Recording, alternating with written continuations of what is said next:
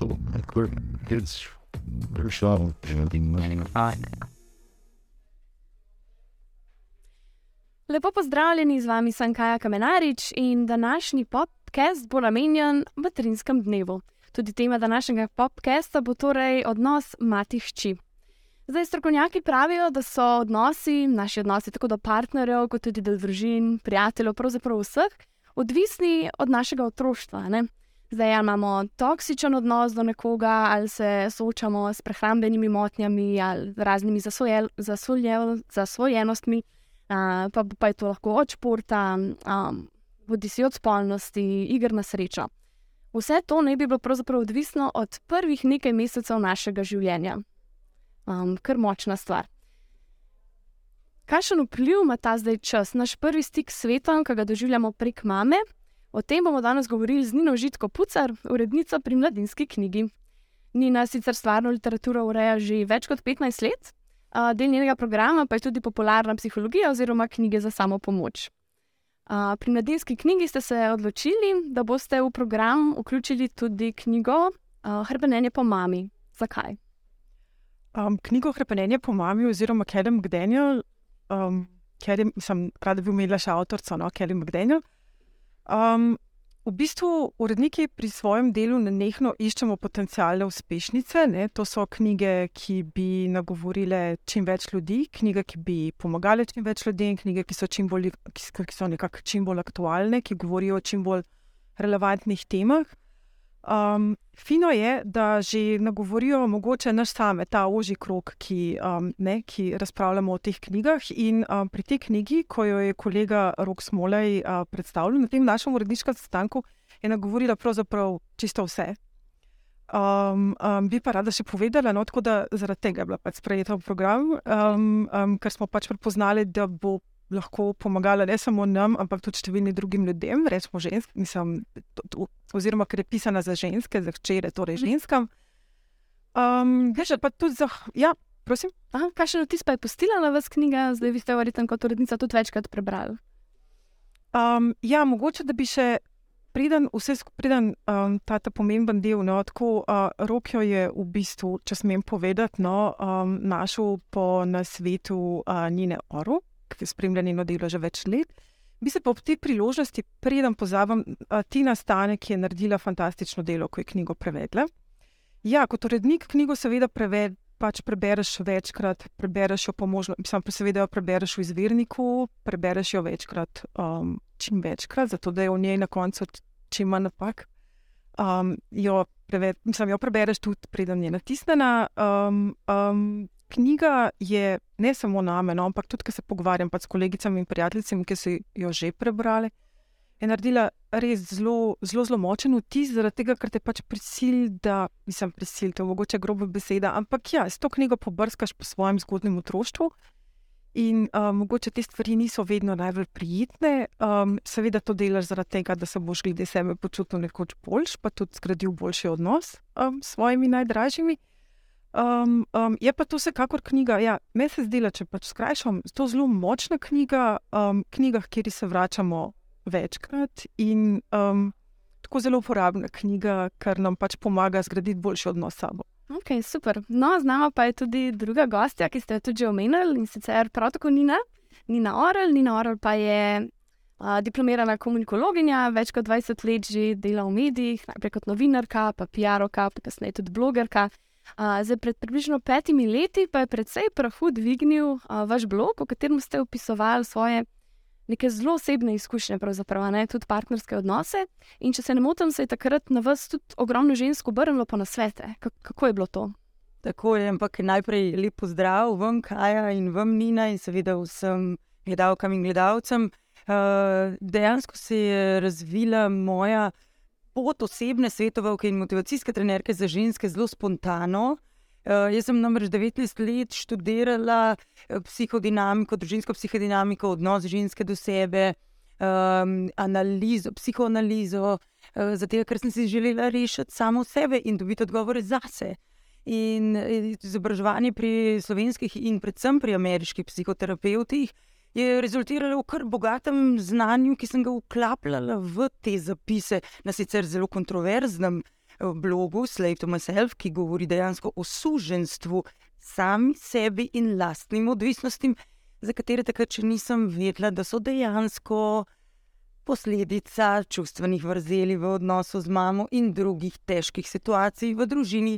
In ker sem uklapljala to pri brutalno iskrenih zapisih, dobesedno o razvratu, se moj blog je bil, tako rekoč, seks, droge in rock and roll, ampak s psihoanalitično razlago zraven.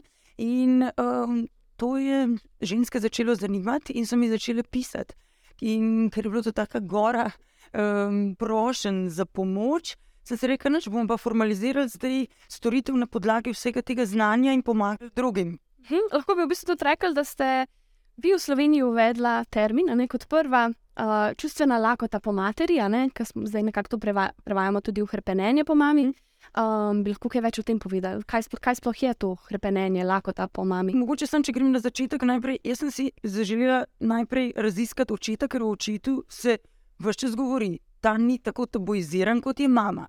Ker pa še vedno nisem prišla do dna same sebe in dejanskega vzroka za kup težav, uh, sem pa enega mračnega dne med uh, našim zaprtjem v času COVID-a šla googlati, uh, kaj na temo mame se lahko najde in zasledila prvi član Kelly McDaniel, Mother Hunger, čustvena lakota po materi. Seveda sem ga začela na pol z grozo, na pol z radostjo študirati. In se prebijati skozi te stvari, ki so mi obenem vzbudili občutek, da sem nad, na robu prepada, po drugi strani pa, da končno lahko poletim, ker imam odgovore za to, kje so bile težave. In tako da sem začutila, da mogoče, glede na to, da sem prej delala še svetovanje na področju partnerstva, pa motivacijske treninge za ženske, da je zdaj smisel, da raziščem še globje ta segment. S tem, da sem se najprej odločila, da sem javnosti um, plasirala problematiko odvisnosti od toksičnih odnosov z osebami z narcistično motnjo in naredila na to temo tudi program. Um, ko je narcisov venila, sem jaz zacvetela. In uh, iz tega, ko sem ta del nekako predelala, sem se odločila, da bom pa v javnem prostoru uvedla še problem mame in naredila še na tem področju dva programa, en za odraščajoče hčerke, mamic, soodvisnic, um, to je morska deklica, je spregovorila in sebe vzljubila, in program za odrasle hčere, ki si želijo raziskati odnos s svojo mamo, to nevidno rano, to je pa mama, uh, moja mama je izvor ljubezni ali kaosa. Tako da to je šlo nekako zelo organsko, je šel ta vrstni red. Pričemer opažam, da je seveda tudi v javnem prostoru, za razliko od navala na Eh, program eh, za prepoznavanje odvisnosti od narcistične motnje, od odnosov s takimi ljudmi, je pa zdaj le precej več obotavljanja, predvsem kar zadeva javni odziv, kar zadeva privatno prošnje za pomoč in prijave na program, pa blazno večji. Zanimivo, ker je tako močen sram in strah. Eh, to najpomembnejšo figuro v življenju konstruktivno pokritizirati. Točno tako, ne? ta tema je v bistvu zelo težka, zelo, zelo, zelo težka. Tudi avtorica je sama napisala, da je vmes v dveh letih pisanja večkrat razmišljala o tem, da bi celo nehala pisati, ne? ker je dejansko se ljudje ne želijo obadati s to temo, zakaj ali zato, ker je tako zelo boleča. Um, Kako zelo je ta tema res težka? Uh, vi ste tudi v uredništvu to prebrali, se vas je dotaknilo, tako ste, ste učitili. Ne vem, kakšni so bili odzivi ostalih ali pa vaš odziv, ko ste knjigo brali. Kelly McDaniel v prvi vrsti uh, priporoča to knjigo, da jo beremo vse kot hčere. Ne, ne beremo kot vzgojni priročnik, ampak kot hčere. Da, ampak v resnici sta se pojavila dva odziva. Ne? Eden je bil um, tak, da jeza in solze, in ob spominjanju na otroštvo in predelovanje pač s to knjigo iz poglavja v poglavje, um, ne, če ni bilo pač ljubezni, varnosti, vzgoje, kakšnih teh elementov, ne, če so manjkali um, tako na različne načine. Um, te, ki pač, um, smo pa že same mamice in imamo hčere, si pa nismo mogli kaj, da ne bi to brali tudi kot vzgojni priročnik. Je, um, čeprav ona to odsvetuje, v resnici v tem zelo dobro, zaradi tega, ker pač vključila v knjigo tudi um, najnovejše raziskave, um, kako, so, kako so pač kaj se dogaja, kako se razvijajo možgani dojenčkov.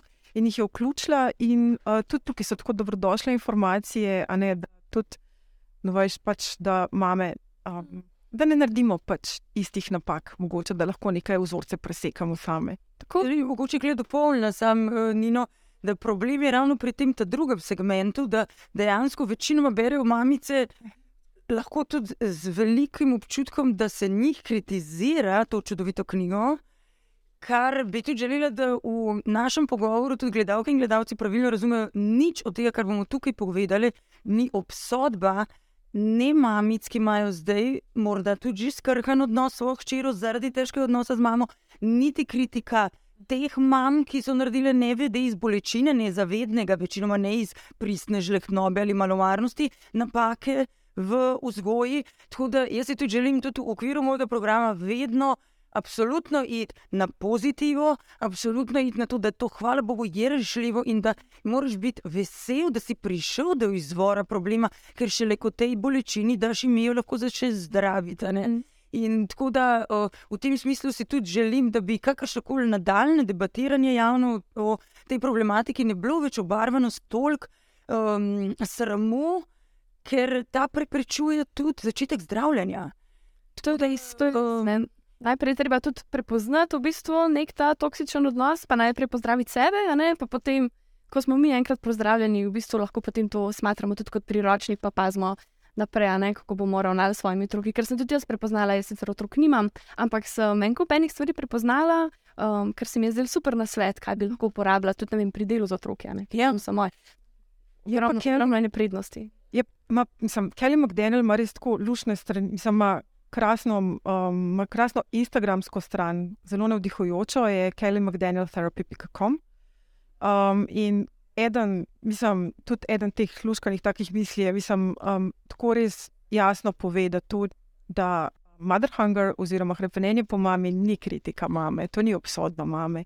Ja, tudi v knjigi večkrat to ja, da nobena ja. mama ni popolna, vse mame stremijo k temu, da bi bile kar se da, ja. kar se da dobre mame. Ne, ja, ja na to. No, mislim pa, da je treba večkrat poudariti to, predvsem specifično v našem prostoru, kjer je mit te cankareve trpeče franske še vedno tako prisoten, da je mama bolj kot v drugih državah po svetu še vedno nedotakljiva. In zato se mi zdi, knjiga Kenny McDaniel čudovita, ker bo mogoče na nek način res legalizirala konstruktivno kritiko mame, s tem pa omogočila začetek spreminjanja odnosa do sebe, svojega otroka in partnerja, ki je vedno replika mame. Tudi številnim slovenkam in slovencem. Uh mhm. -huh. Mogoče je prav zato tudi tako težko prepoznati ta nek toksičen odnos s svojo mamo, ker je en velik sram za tem, pa tudi večkrat pravimo in slišimo, in mogoče celo v naši podzavesti, mogoče celo kolektivni zavesti slovencev, da mama pa je ena sama, pa kaj še pogosto slišimo, krini voda. In potem ljudje kar avtomatično mislijo in več dopuščajo stvari mami, težko postavijo meje, ker jo vse na nek način tako cenijo, tako visoko držijo. Ne? Kako pa zdaj neka ženska lahko prepozna, da je v nekem nezdravem odnosu s svojo mamo? Uh, kako vaše stranke to prepoznavajo? To, to je meni najbolj zanimivo. Pridejo k meni v bistvu že s posledico tega, kar je bilo jim storjeno uh, v zgodnem otroštvu v odnosu z mamo, in to je ponavadi toksičen partner z narcisistično motnjo.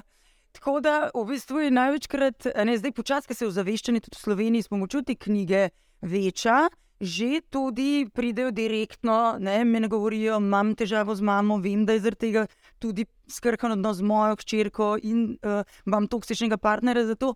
Ampak večinoma je tako, da najprej zaznaš, tako kot sem tudi jaz sama pri svojem procesu. Najprej opaziš, odvisnosti imam, um, pretirano se pardon, razva, um, razvajam, ne, uh, iščem pač kakršne koli druge izhode za to, da to srhljivo čustveno vrzel zapolnim.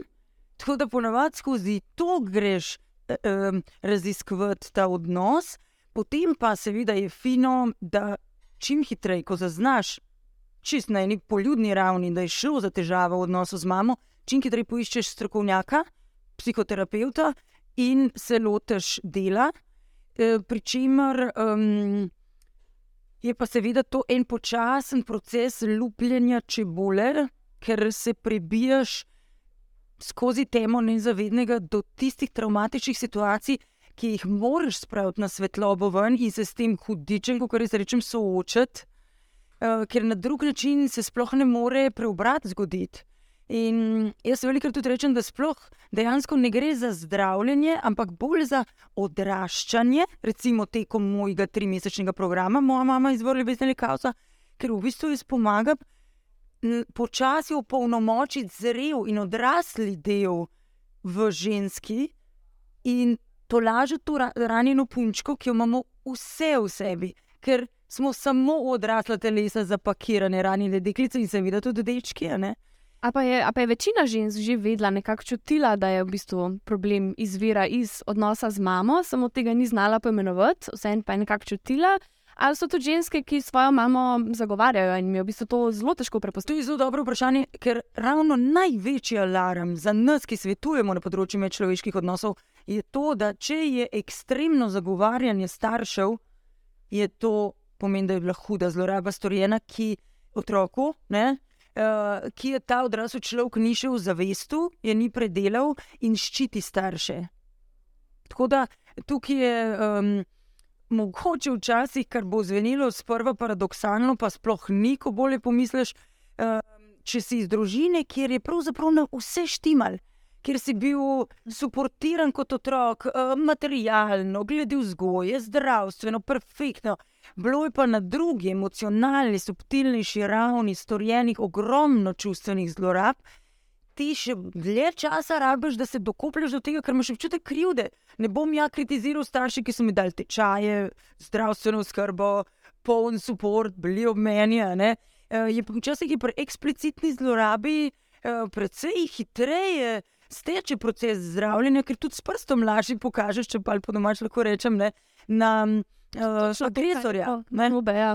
Eh, tako da ta, ta težava je tudi pri, um, uh, ker pač moram zdaj radikalni izraze uporabljati, narcisistični mami, pa so odvisniški mami, torej mama, ki je izjemno dominantna in ne daje dihati. Otroku um, in pravzaprav ga zanemarja, ker je preobremenjena s svojimi težavami, ali pa soodvisniška mama, ki je imela veliko pomankanje od svoje mame po ljubezni in je zato ogromno dala svojemu otroku v zameno, pa želi imeti doživljenjski čustveni podpor od otroka in se poruši klasična hierarhija med mamo in hčero, in kot Kelly McDaniel pravi, pride do um, uh, uh, pojava mothering your own mother, da v bistvu ne, uh, ti postaneš mama na svoji mami.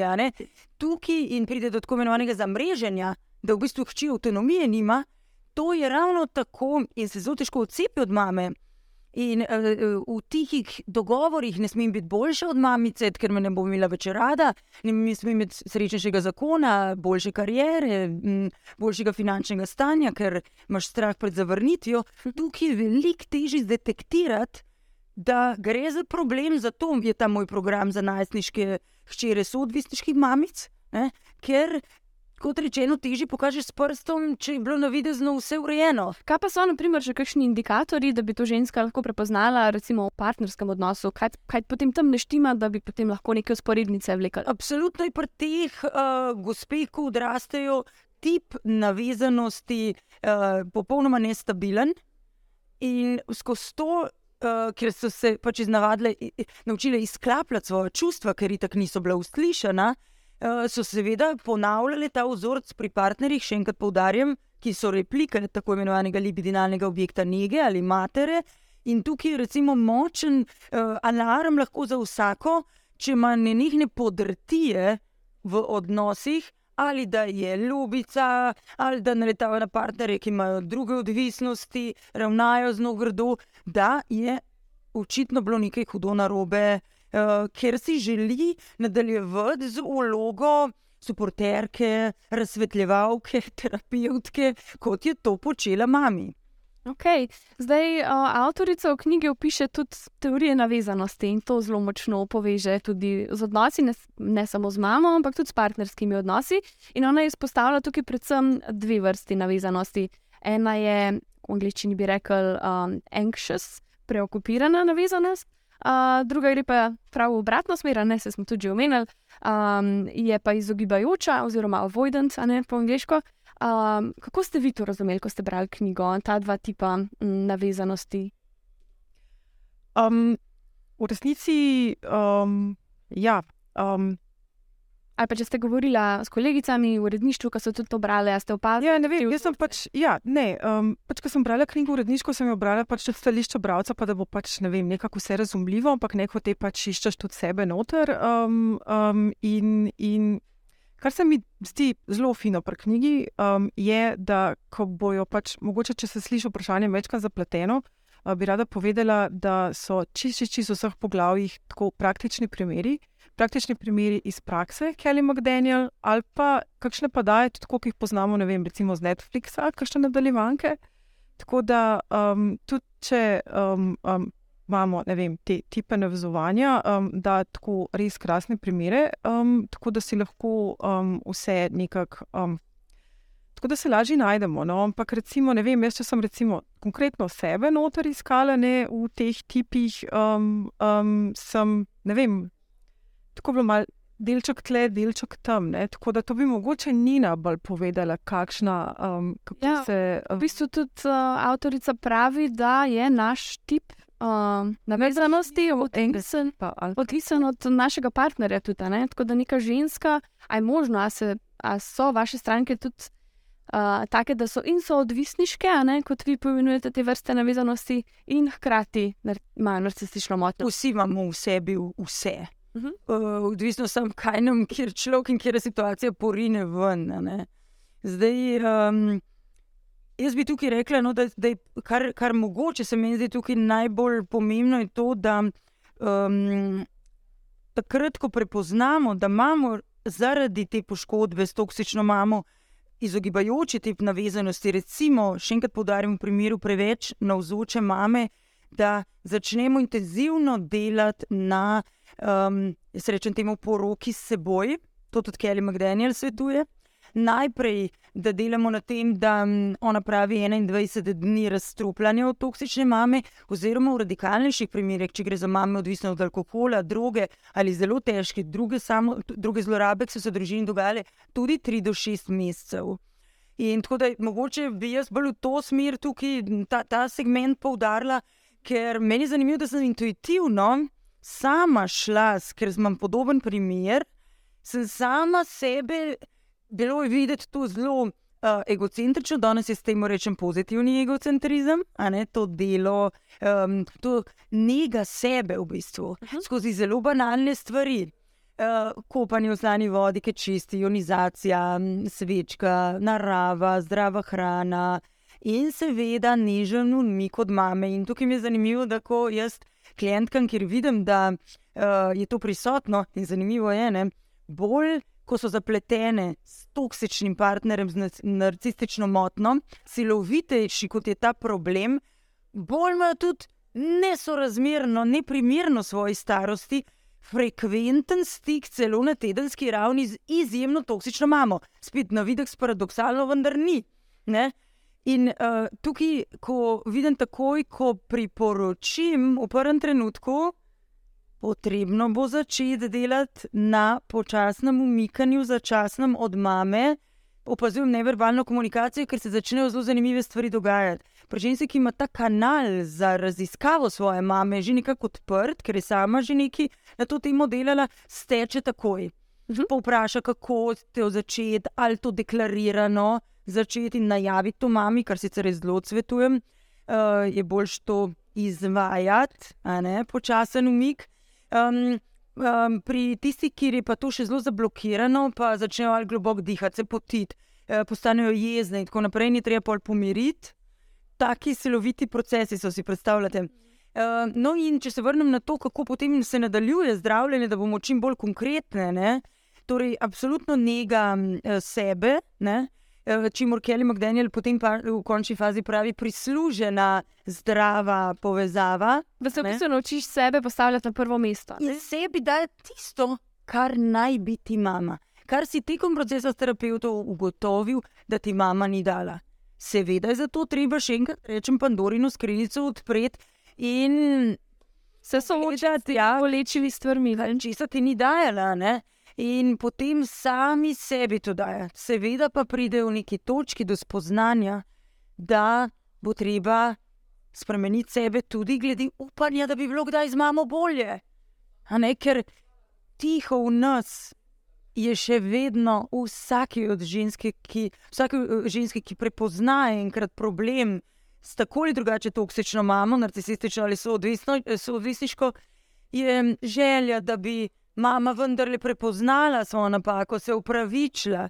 In to strašno čakanje je v bistvu fantaziranje o idealni mami, ki spet blokira proces.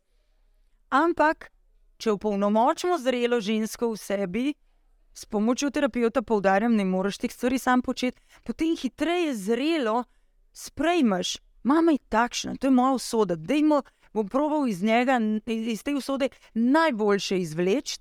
In tukaj se začne potem ta čudovit proces zdravljenja, je pa res, da je to potem tako imenovano življenje z žalovanjem za mamo, ki je ponavadi še živa.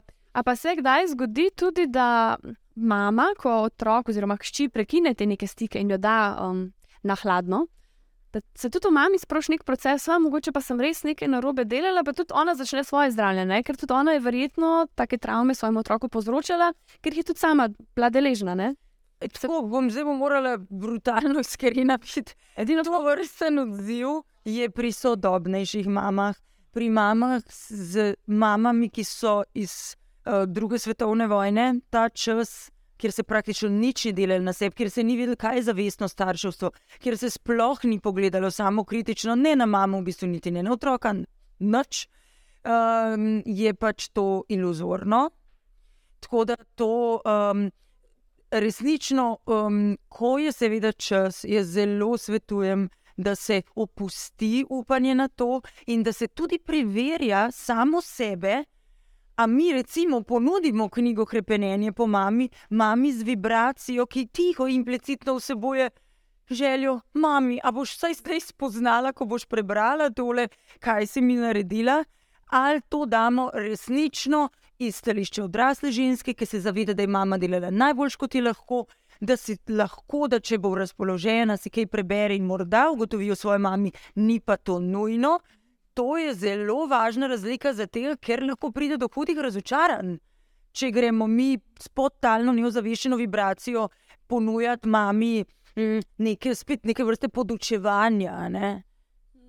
Ja, zdaj, vi, že prej smo se pogovarjali o tem, da ste knjigo na nek način vseeno brali tudi kot mama. Mhm. In ste tudi prej omenili, da ste vse našli noter, pa en kup stvari, ki bi vam prišle prav.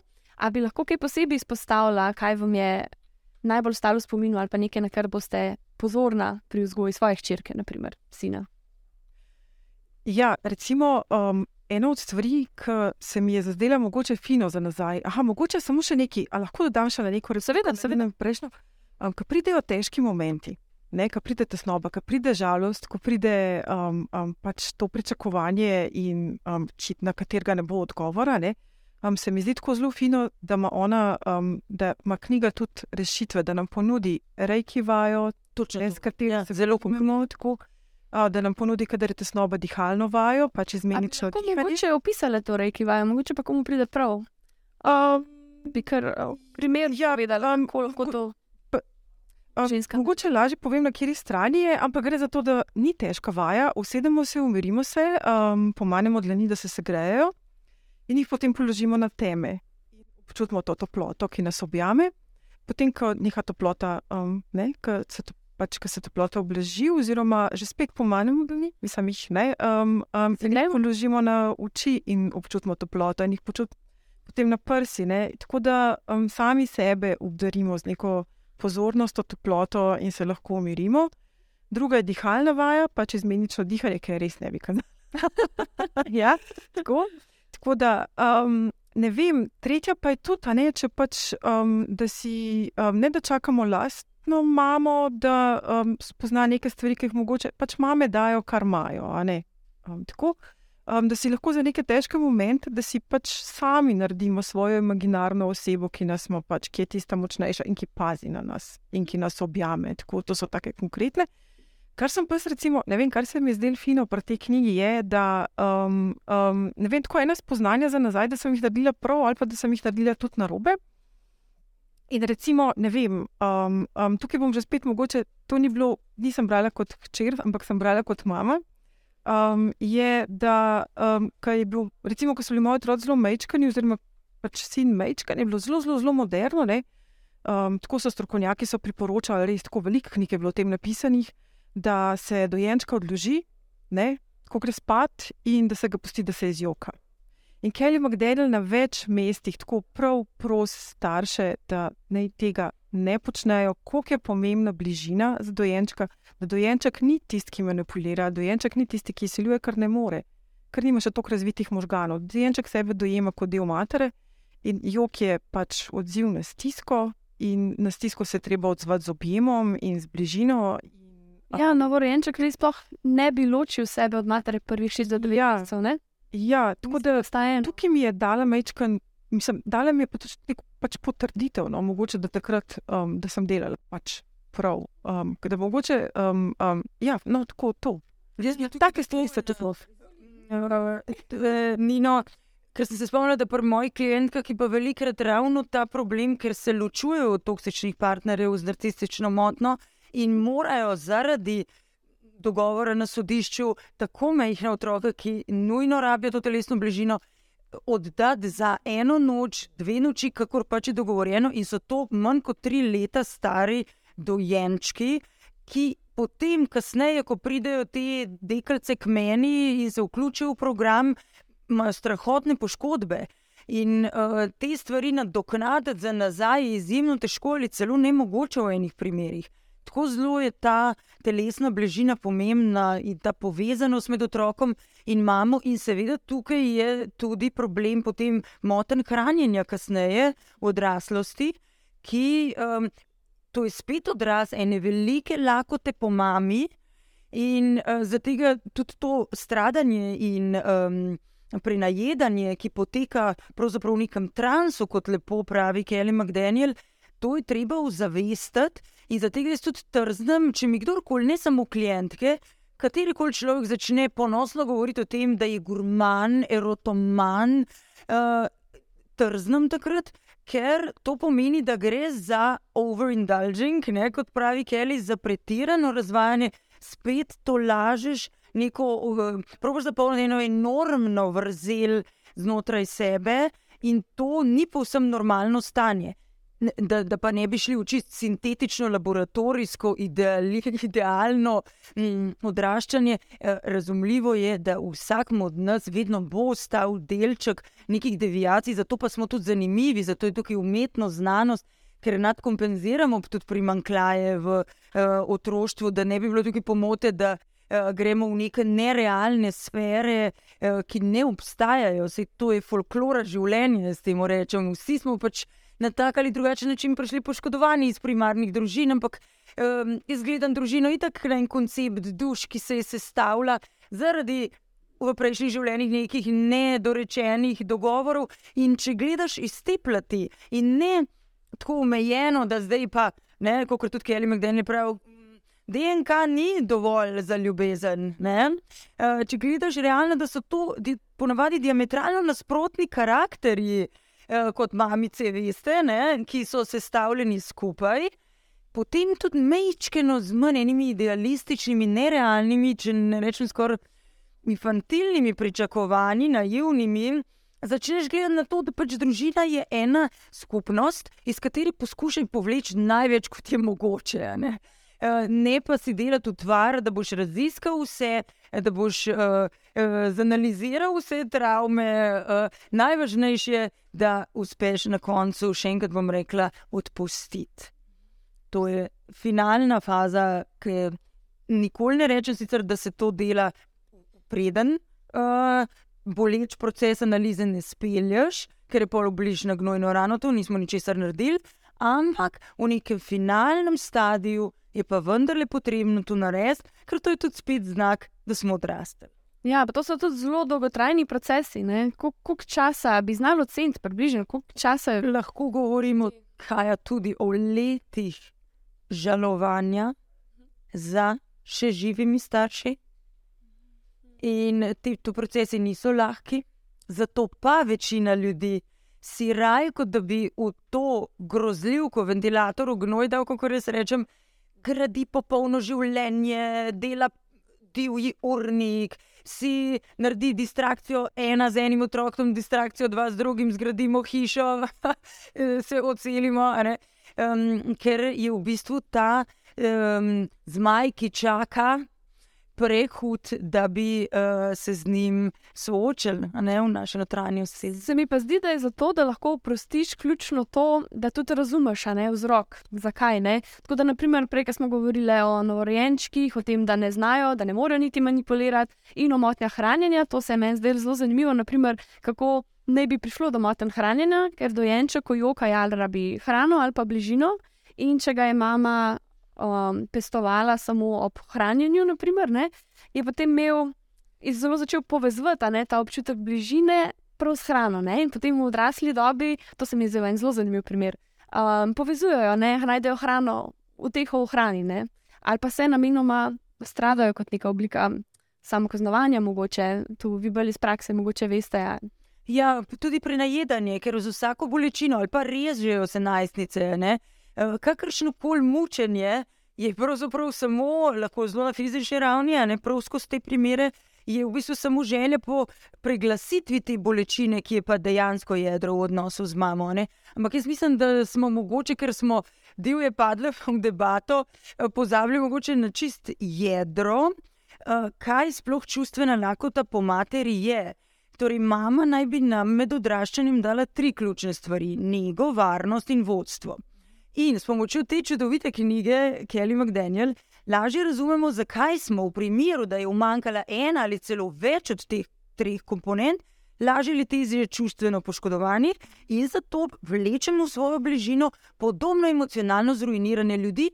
Še predvsem je to problematično pri partnerjih, ki, kot rečeno, še tretjič so replike naših mam.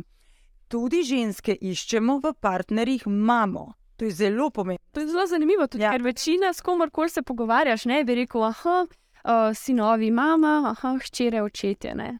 Ni tako, ne, ker je mama v večini kultur tista, ki se vidi, da po porodu je prva in edina in najpomembnejša, ne, ki ima otroka v sebi.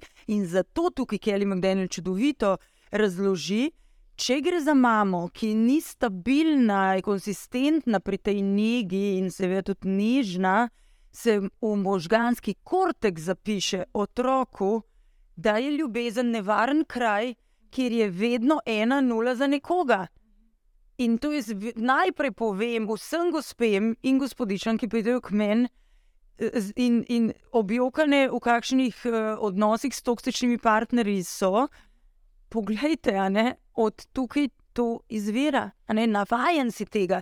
Vibracijsko je tvoje telo zapisano, da je ljubezen trpljenje. In to potem tudi podzavestno nekako iščeš, ne? čeprav zavestno tega ne želiš, veš, da je na robe, pa te še kar vleče. Ampak zdaj zelo, ker tudi je knjiga namenjena ženskam, govorimo o ženskah, pa bi se en mogoče tudi o moških spregovorila, ne? ker vendarle so tudi tisti, ki o, ustvarjajo toksičen odnos. Um, a je knjiga primerna tudi za moške? A bi se bilo smiselno tudi moškim prebrati to knjigo? Absolutno, ja, ne, Nina. Absolutno je. Ja, vsekakor tudi v, v enih delih ne govori, mislim, v dveh delih zelo govori o očetih, kako so pomembni. In um, recimo, um, pač moj mož dela domače naloge z mojo hčero. Um, in noter lepo piše, da so um, punčke, um, kas, pač te deklice, ki um, um, jih imajo očetje za pomembne.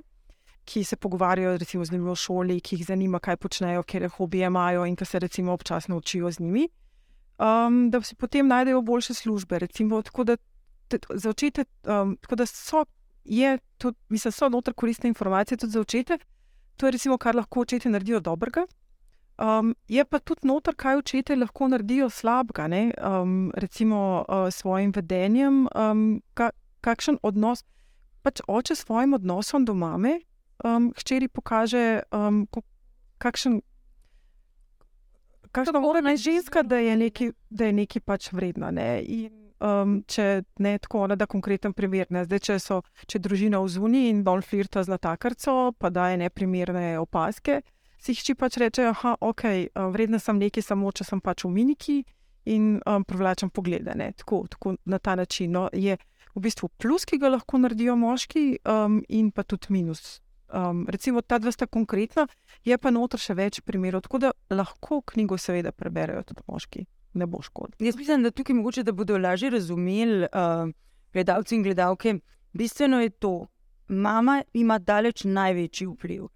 Oče pristavi piskrček, jaz vedno rečem, če je sploh čustveno in fizično prisoten. Potem imamo pa spet naprej detaljno analizo, kaj naredi oče z narcisistično motnjo. Tako ali tako ga privleče soodvisniška mama. Ne? Torej, ta spet in problem je, da ma, zakaj sploh se Kelly McDaniel osredotoča samo na hčerke in mame, ker sin bo še vedno lahko identifikacijski faktor najdel v, očetu, če je pri mami kaj umanjkalo, bo poškodovan. Zato ga zelo še enkrat svetujem, tudi moškim obranju to. In tudi moški so zelo dobrodošli pri meni uh, v uh, programu, ampak uh, problem je, da pri deklicah, pa, kjer je pa mama najpomembnejši faktor identifikacije in kjer oče lahko marsikaj olajša, zgladi, zamortizira, uh, dopolni, če mama ne more, tukaj je pa pač. Um, Okay. Kaj pa mogoče še ta ugotovitev, da lahko pomagamo samo sebi? Ampak kaj, če imamo mi okoli sebe ljudi, pri katerih opažamo, da jim mogoče kakšna stvar manjka, da se prav vidi, da nekoga drugega prepoznaš v tej knjigi. Recimo, če on ni pripravljen sam nič delati na sebi, tukaj nič ne moreš, ali kakšen nasvet za mogoče partnerja, mamo, prijatelja. Ja, recimo, lahko podariš knjigo, um, ampak ne vem, življenjske izkušnje učijo, da kdo pač noče, da se mu pomaga, da pomoči ni. No? Ne. Uh, ti Jaz- Mislim, jaz tudi vidim, da, da tista, ki ni zares odprta, da se gre v globine, dejansko ji vsaj za enkrat, morda še ni čas, uh, ni pomoči. ne. Tako da tukaj uh, namige dajati, preden. Uh, Ne, v smislu podarjanja knjige, ja, preden si ti notranje pripravljen, je spet uh, vprašati se, ali počnem to iz zdravega dela sebe ali morda iz kakšne eh, ranjene punčke, ki je vedno suportirala in razsvetljevala nekoga in bi zdaj rada naredila to še ne, neki bližnji osebi. To je zelo delikaten, spolzek teren. Uh, jaz bi rekel, da je edino, če se že knjigo recimo podari, če je nekdo v bližnji res v akutni situaciji, naj se podari potem tudi vsaj en sestanek eh, z uh, ustrezno strokovno osebo, nekim terapeutom ali celo psihiatrom, ne, če so hujše stvari, eh, ker potem ima to nek smisel. Ne? Drugače pa bolj uh, se mi zdi nekaj vrste izzivanje. Aha. Ne vem, če ima mogoče ta pravi efekt, lahko, ne? če človek ni pripravljen. Okay. Pa če ta njegov odnos samega do sebe ali pa njen odnos samega do sebe vpliva na te, je potem v bistvu rešitev, da vse zaščitiš sebe in greš stran. Ne? Ej, to, kar imamo, ko jo damo na hladno, to velja potem tudi za druge ljudi. Lahko, lahko tako rečem. Jaz zdaj tako sicer neko imam primere, jaz začutim. Ali recimo je klientka, ki je globoko desetletje že v težkem odnosu s toksičnim človekom, ki ima ogromno odvisnosti od spolnosti, od droge, alkohola, iger na srečo. Um, jaz presodim, ali je v fazi odcepitve od mame, je enako od partnerja. Ne? Ali je to, ali smo že tam, ali bomo najprej delali samo na tem, da znotraj odnosa ona dobi glas, da začuti sebe, da začne komunicirati sebe, ker zaradi toksične mame, ki jo je narcisistično zasedla, ni imela možnosti zdravega odnosa do sebe razviti in začuti, da ima pravico povedati svoje želje in potrebe izraziti. Tako da grem takrat postopoma, da gre ta proces, ki ni vedno sinhron, en partner dela na sebi, drug pa ne. ne? Da, da čim bolj organsko poteka in da je realen v okviru odnosa. ne. Tukaj so tudi majhni otroci, velikrat problem. Ne? Pa mame, mamam je težko, ker začutijo, da je njihova mama res toksična. In jaz vedno rečem, začnimo pri mami urejati odnose, ker potem se bo vse ostalo postopoma uredilo. In je težko, ker babice potem določen čas ni zraven. In je veliko priročnih izgovorov za to, a, da ona ne bi še naredila eh, detoksifikacije od mame. Jaz pa vedno dam primer, ne, da to je tako, kot če bi pokojni rugelke alkoholike zdravil, da bi mu rekel in klient. da, ko me recimo vprašajo, ne, mame, ki se vključijo v moj program, ja, a lahko pa mogoče sam na božično kosilo pridem. Je tako, kot če bi ruglu klient rekel, a lahko sam en štamprle za nov let, drugega pa ne. ne? Ne, ne, ne gre. Ne. Jaz moram tukaj biti zelo neomajna, ampak še enkrat poudarjam, eh, skrajno prilagojena konkretni situaciji. Ker eh, mogoče, no, če, če še ena stvar tukaj, da, da gledalke in gledalci ne bodo preveč naložili sebi bremena, koliko bi morali zdaj vse to urediti, uh, glede mame. Tukaj je treba dve strahotni oviri premagati. Ena je ta sram in strah in groza, da naša najljubša oseba v življenju nam je prizadela zlorabo, je lahko zavistna, je, je lahko mm, uh, zadirčna, je lahko celo agresivna. Klenem, da ima vmes zelo težka poglavja, ki jaz nekaterih nisem iskreno mogla se prebiti čez njih, a ne ko govori zelo o konkretnih, težkih zlorabah, mam.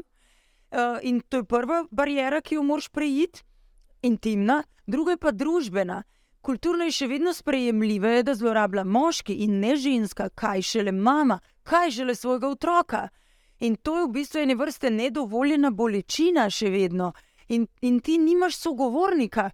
Jaz vam iskreno povem, ko sem jaz začela to odkrivati, ko sem prvič naletela na Kelly na spletu, ona še Instagrama ni imela takrat, ne, in se začela m, se pri, skozi njene članke grista. Ne, Celo moji, bom rekel, takratni najbližji, ker niso več najbližji, znanci in prijatelji, ki niso tukaj izrazili meni podpore, je, uh, jaz nisem mogla več komunicirati z njimi. In je pa to hudo, ker sogovornika nimaš. In poleg tega moram reči, tudi veliko strokovnih uh, delavcev na področju človeške psihe v Sloveniji ima težave z o- lastnim odnosom z mamo in ne odpirajo terapeuti teme na tako brutalno iskren in direkten način, kot bi jo morali, da bi prišlo sploh do, še enkrat rečem, uh, uh, opredelitve, da bolečini daš ime v odnosu z mamo. Ne? Torej, uh, tako da je treba te stvari gre, grejo počasi, uh, zelo samljen si. Uh, zato tudi jaz nameravam ustanoviti skupino, kjer bi se tedensko um, uh, lahko ženske s podobno usodo samo pogovarjale, ker že to je enormno pripomore k zdravljenju, da vidiš, da nisi sama. A Ne, ker meni je bilo najtežje, da nisem, vse so ščitile takrat, ko sem jaz to odkrila, so vse ščitile svoje mame in se zgražale, s čim se pa ti ukvarjaš. Kako lahko kaj Ja, takega? ne, to. In, in to je problem. In potem Kelly tukaj tako lepo govori o tem tako imenovanem zapletenem žalovanju, ne, eh, čakanju na to tako imenovano zamolčano opravičilo, ki se nikoli ne zgodi, ne, ali pa zelo redko, pa bi ozdravilo odraslo. In točno zato se mi zdi, da so taka srečanja, kot ga imamo danes, tako zelo pomembna, a ne? da se o tem ozavešča, da tudi ženske čutijo, da, da niso edine v tem, da je to pravzaprav zelo, zelo, zelo pogosto. Tudi te um, naše navezanosti, da niso sigurne, več kot 50 odstotkov je nesigurnih, je nezdravih navezanosti. Ne? Tako da je ona tudi omenja, da je to že skoraj normalna navezanost lahko. Um, tako da, ja, če nekako povzamemo cel naš pogovor, zelo pomembno je najprej zadevo ozavestiti, kako to naredimo. Mogoče slišimo od prijatelja, prijateljice, da nekaj o tem govori. Preberemo knjigo, ki nam da kakšen namig o tem, da smo mogoče tudi mi Predvsem pa zelo črnjene. če, če lahko uh, vas dopolnim tukaj. Ja, Bistvene so, torej najbolj enostavne, da smo čisto enostavni. Torej, če privlačite celo življenje toksične partnerje, ki vas čustveno ali fizično zlorabljajo, če se v stiski tolažite s hrano, alkoholom, drogo, spolnostjo, igrami na srečo, če težko drugim ljudem meje postavljate, če ste nagnjeni k anksioznosti in depresiji, če imate skrkan odnos s svojimi potomci, če imate številne osebnostne motnje, histrionično, mejno motno in tako naprej. Če kopičite stvari, živali, rodne ali posvojene otroke in se vrtite v peklenskem začaranem krogu samo zlorab, raziščite čustvene vrzeli v odnosu s svojo mamo. To je najbolj enostavno povedano, in iz tega ven uh, uh, je pa po mojem, da bo tudi gledalcem zelo razumljivo. Ne? tam naprej.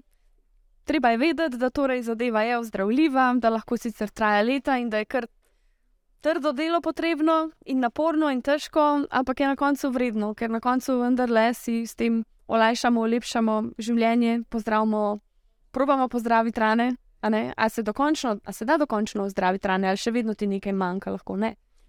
Jaz vedno rečem, da ja.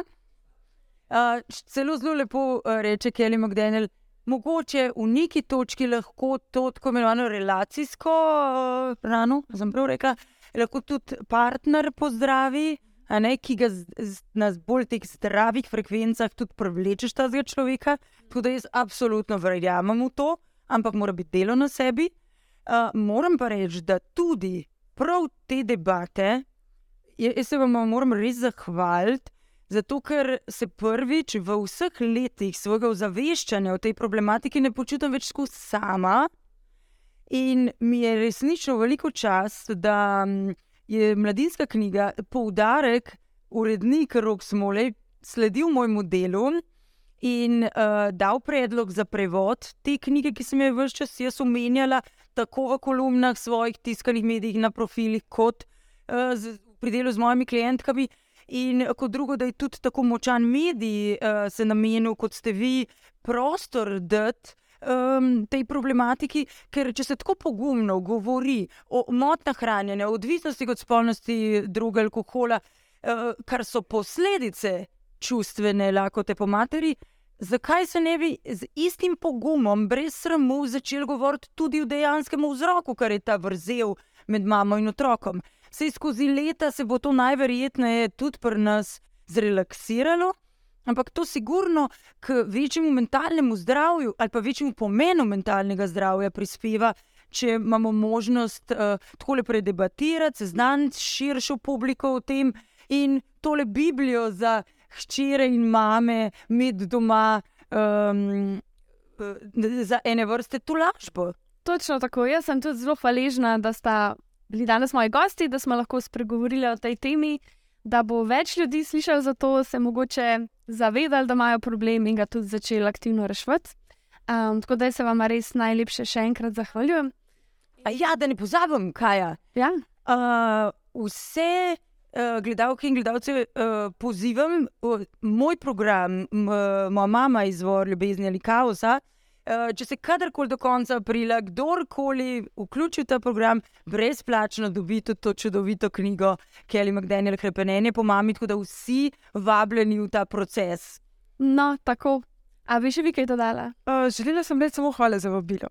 Okay, no, tako pa ste slišali, zdaj veste vse podrobnosti ali pa nek povzetek te knjige. Um, to je to. Hvala. I didn't agree. Please. pushing and banging